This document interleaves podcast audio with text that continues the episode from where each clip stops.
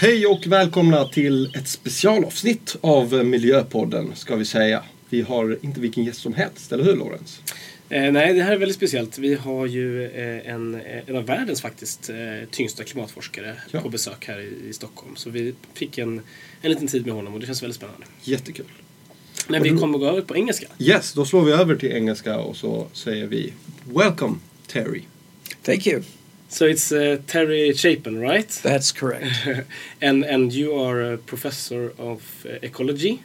yes, I'm a retired professor of ecology at the University of Alaska Fairbanks.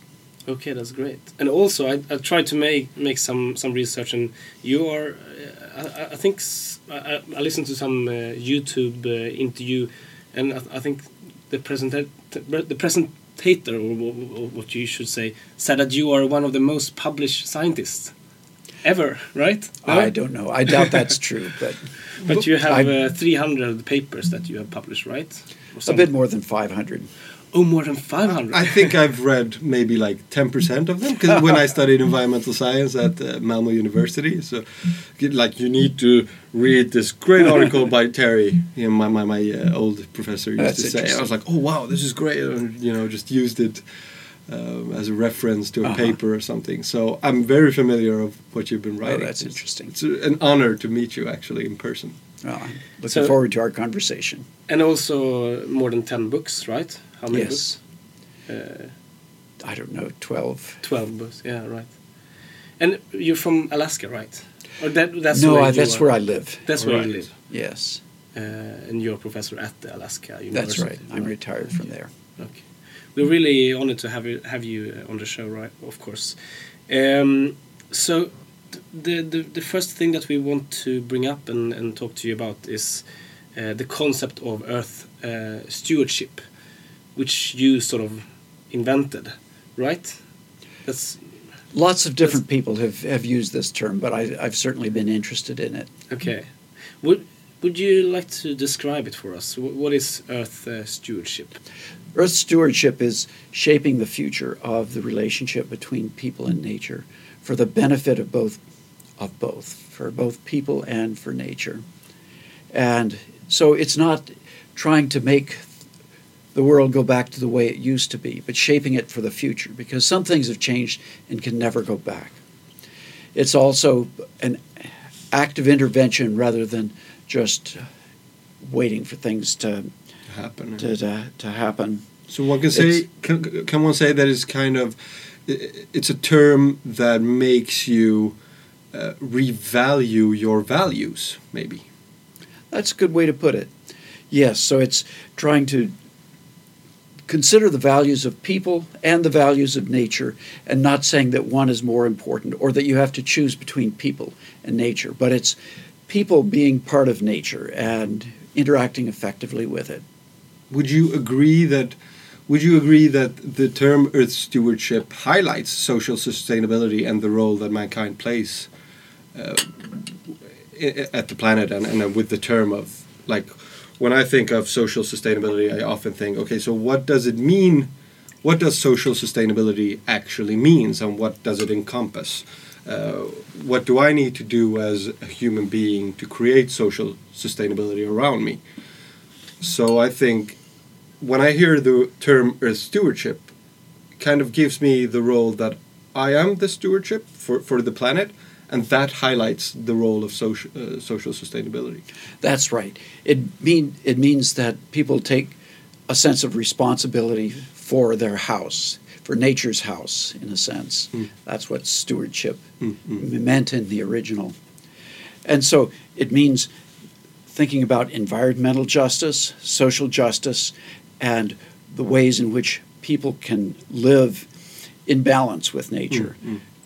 The, the way in which people affect nature can range everything everywhere from stewardship, Yeah. where we're doing things to sustain the the health of nature, Mm. but it can also uh, the people also affect nature very negatively, Mm. and there's a lot of exploitation of nature, uh, for extraction of resources for producing goods, Yeah. and so people can have a variety of different impacts on nature, and Earth stewardship is trying to maintain a positive, balanced relationship between the two that would be sustainable over generations.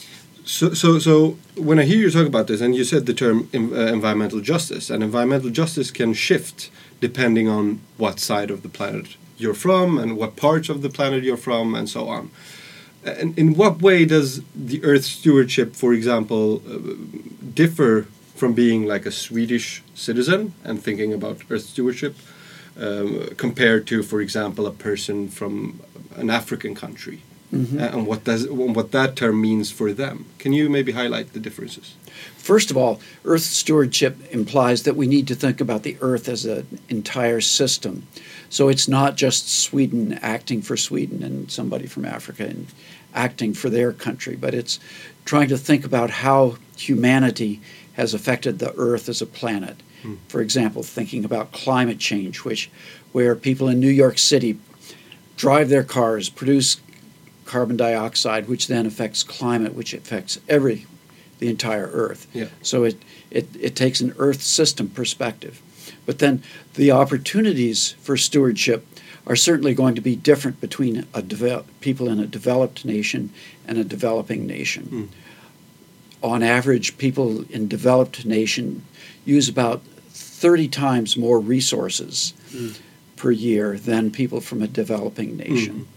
So people living in Sweden or the United States, for example, should be able to be 32 times more effective in reducing their impact on the planet than would somebody in uh, a developing nation. And also, um, uh, this is also about in, uh, indigenous people, right? So these are some of the people that. Uh, That's correct. So I've, I've been very interested in working with indigenous communities in Alaska because they're, they're on the front lines of climate change. Climate change is happening twice as fast in Alaska and the Arctic as it is for the average for the world.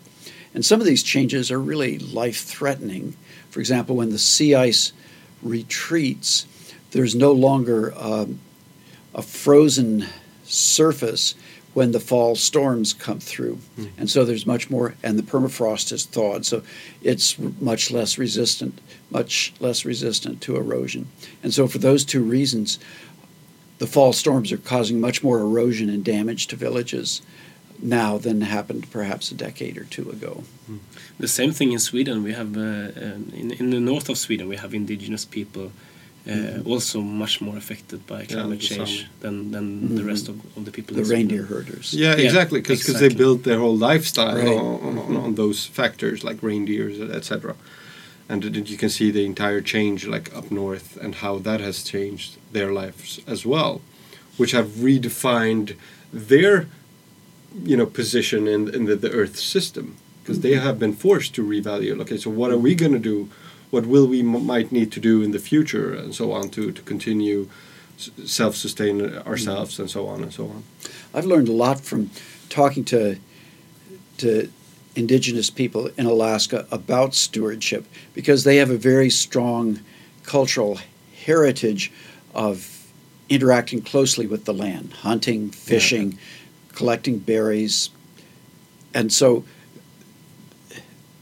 their their life and livelihoods depend very much on having this healthy relationship with the land. And and so if they are not respectful and they destroy the resources, then it's they that suffer, and they realize this. So this this ethic of stewardship is something that's become very much part of their cultural heritage. It's inspi- inspiring. It is. So you you have been focusing on on this uh, sort of sort of social ecological changes. Uh, yes. But if we would like, if we would broaden this discussion a little bit and talk a little bit in general about climate change science, what are the main, what, what are you most uh, afraid of right now when it comes to what the scientists tells us about climate change? Well, I could answer that in two ways. First of all, just thinking about what's likely to happen. For a long time, well, perhaps 30 years ago, I don't think scientists really realized the massive nature of the impact of mm-hmm. human actions on the planet. people didn't realize that human activities could actually influence something oh, like climate. And then over the past 30 years, it's been quite clear that that's the case. And as time goes on and as the impact of people on the climate system becomes more and more pronounced, it's clear that it's a very urgent issue with it, and that within a matter of uh, 10, 20 years, the, the Earth will be distinctly less habitable than it is right now. So this means a lot to me personally because it means that my children and grandchildren and their descendants are going to be very directly affected by the changes that are Mm-hmm. And that's that's a concern to me because I care about them a lot. Mm-hmm. So in uh, this this uh, consensus that that are among uh, climate change scientists and, and so on, in Sweden we, ha we have quite a big acceptance for, for that science, but it's, it's not really the same in, in the U.S. What's your thoughts about that, or is it going in this, in the right direction in the U.S. when it comes to uh, There, there's both positive and negative things happening in terms of the dialogue with climate change. Hmm. It's mo- most people are either are either worried about climate change or they don't care. Hmm. There, it's only about 20% of the people that actively reject the notion that climate has changed and that those changes are caused by people. oh, that's twenty five percent of 20% or perhaps of the people Uh, that deny climate That's change. right. Okay, okay. That's right. So there is a substantial majority of people who either are concerned about it or are not interested in the issue. And so those people, I think, are ones who would be willing to take actions that would be climate friendly, things that would make uh, the impacts of people on climate less serious. And in the case of the people that that do- deny the existing of climate ch- existence of climate change, this is climate change has become a political question for them, a political question that's associated with liberal agendas, hmm. and so people are not. It's no longer a, a scientific question, so they're not interested in knowing about the science, and probably the same is true for people that are on the the most liberal side of that. They also accept this as being a something that aligns with their worldview. So, the, the ch- one of the big challenges with climate change, and one of the things that worries me, is that people will no longer think of it as a scientific question. Mhm. So, part of it, eh, for part of the problem issue for us as scientists, is to bring this conversation back to to the realm of science. it's it's a it's a tricky issue that because on one hand you want the politicians to act to act, but you don't want it to be only a question about politics because then you That's you right. make it uh, sensitive in in some way, uh, and especially in in the U.S. I guess where where the um, the amount of people actually denying the science are quite many people. I mean, compared to Sweden, for example, where I think one or two percent maximum uh, would, yes, would actually that's actually that's probably deny. accurate. So in Sweden, for example, we are, it's it's more accepted that well, so the science is accepted, and therefore you can talk about it more in a political way because what what Well- measurements should be what, or what actions should be taken to actually reduce emissions. That is more an, a, a political issue. Um, but uh, if we go back a little bit to the broader uh, scientific um, uh, discussion right now, I mean, you you have a uh, experience of of Arctic, uh, the Arctic uh, area, so to speak. That's correct. Um, isn't isn't the situation for Arctic Arctic isn't that maybe one of the things that would would scare us most right now? I mean, talking about uh, um, the Well, ice one one of the things that is important in the Arctic is that the changes that are happening, for the most part, are things which are going to speed up the rate at which climate changes. right. So initially, the changes in climate were due primarily to emissions of fossil fuels and other things that people have done to the climate. But then this caused the climate to warm, and the warming of climate melted the sea ice, and so the sea, the northern seas, have changed from being a dark colored, from being a white reflective surface to a surface that's darker, absorbs more heat, and then that heat is given off to the atmosphere. And so it amplifies the rate of warming that was initially caused by people. And there's Those- several yeah. kinds of amplifying feedbacks like Yeah, this. Another one has to do with the thawing of permafrost and the decomposition of organic matter that used to be frozen in permafrost. Another has to mm-hmm. do with changes in, in the fire cycle and the release of carbon from burning of forests. So I know there's different uh, scientific uh, conclusions about this, but w- at at what um, sort of um, degree uh, is is the, are, the, are these processes going to spin out of control? I mean, we talk about the UN climate uh, goals of two two um, um, uh, degrees Celsius, and then 1.5. But do you know sort of where is it going to spin out of control these processes that you were talking? About? I really don't know Yeah. that. And I don't think m- many people are in a good position to say how quickly things are going to happen. Mm. Because the, the biggest uncertainties are the, the questions of what people will do in response to climate change in order to uh, advocate for changes in policy. Mm. And if we don't know what people are going to do in terms of their personal behavior or how they're going to f- influence political decisions, it's hard to say how fast things will change. And that's the big uncertainty. It's not with the science; it's with the it's with the social responses. And that's where the term Earth stewardship comes in hand. That's right. That's where that becomes a useful term because the notion of Earth stewardship is that now we as individual citizens have a responsibility to the earth, to our fellow citizens, to nature, to to reverse the pathways of degradation that are occurring. So what, so, what can we do to make people become Earth stewardships? Or if, if, if you know what I mean, like if you understand what I'm what I'm trying to say, like how can we uh, how can we make people take action and maybe start calling themselves as Earth stewardships and by but just by uh, saying that I'm an Earth stewardship that will uh, certainly affect my environment, the people around me, and so on and so on. I could imagine having three different conversations with three different audiences.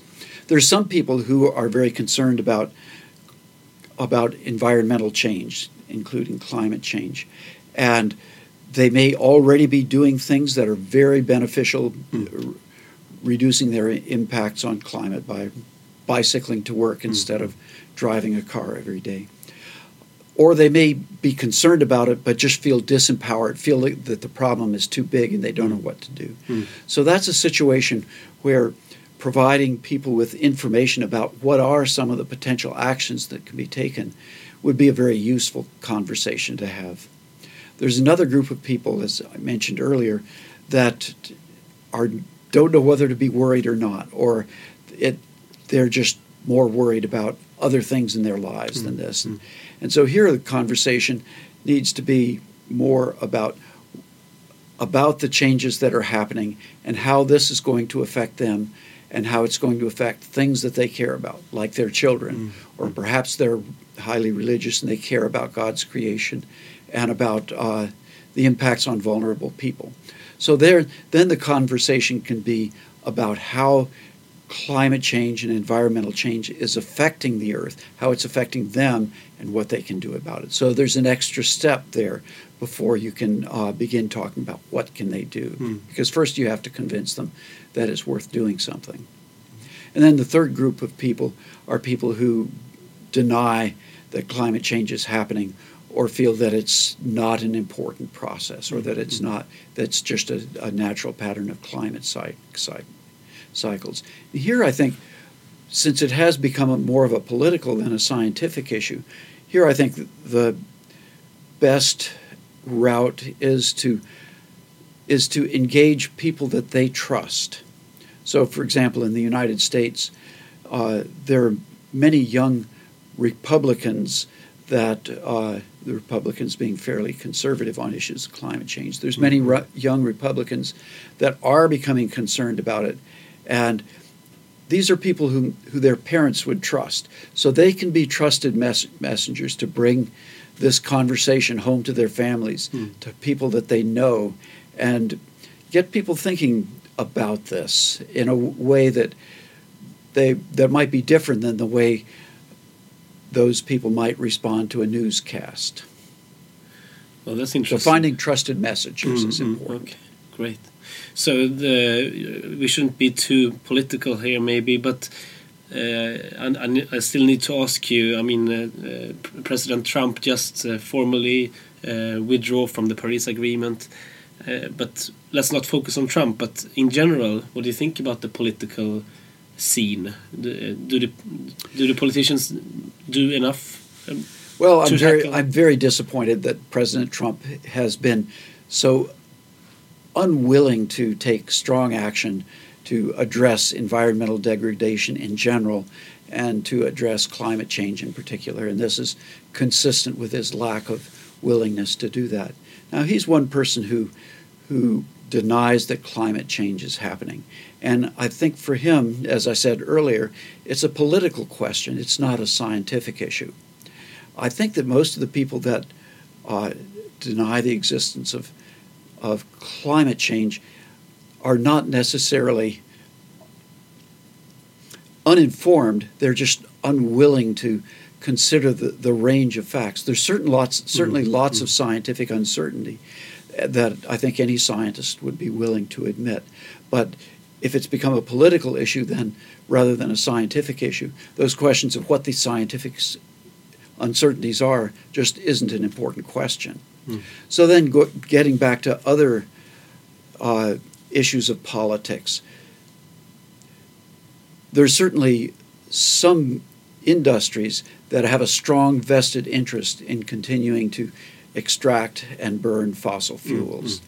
And some of these vested interests have played a role in actively disinforming the public about the realities of climate change. And this is one of the things that does worry me Mm. in a political way that people have, are not trying to clarify the issues about climate change, but they're trying to bury the, the scientific issues of climate change by linking climate change more directly with political viewpoints and political worldviews than with the scientific issues.